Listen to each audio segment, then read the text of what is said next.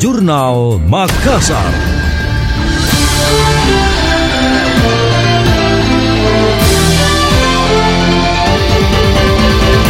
Menteri Pertanian Syahrul Yassin Limpo mendorong ribuan petani milenial di wilayah Indonesia Timur, mulai dari Sulawesi hingga Papua agar menyiapkan konsepsi pertanian modern melalui aplikasi sistem digital.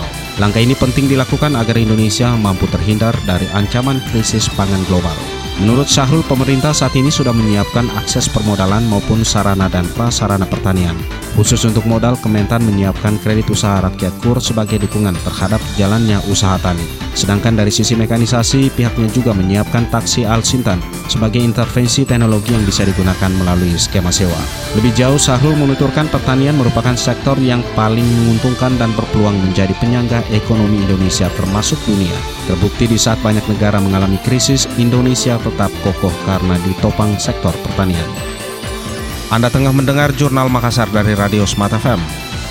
Bank Indonesia terus memperkuat sinergi dengan pemerintah daerah dan stakeholder terkait dalam rangka menjaga stabilitas inflasi di Sulawesi Selatan pada tahun 2022 melalui peran Tim Pengendalian Inflasi Daerah TPID. Kepala Perwakilan BI Sulsel Kausa Iman Karana memaparkan sejumlah langkah pengendalian melalui kegiatan pasar murah, operasi pasar, dan pemantauan harga. Tujuannya menjaga ketersediaan pasokan dan keterjangkauan harga komoditas di pasar. Selain itu mewaspadai resiko tekanan harga akibat gangguan rantai pasokan global.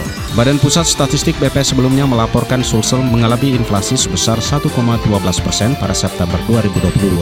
Angka ini lebih rendah dibandingkan nasional yang tercatat mengalami inflasi sebesar 1,17 persen. Secara spesial dari lima kota IHK, kota Palopo merupakan daerah yang mengalami inflasi bulanan tertinggi sebesar 1,74 persen.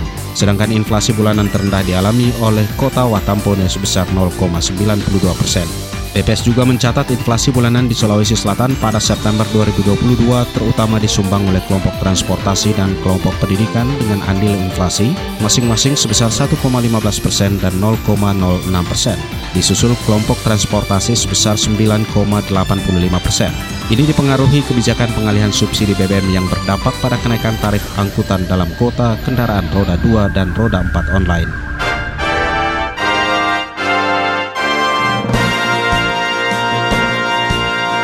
Demikian tadi Jurnal Makassar.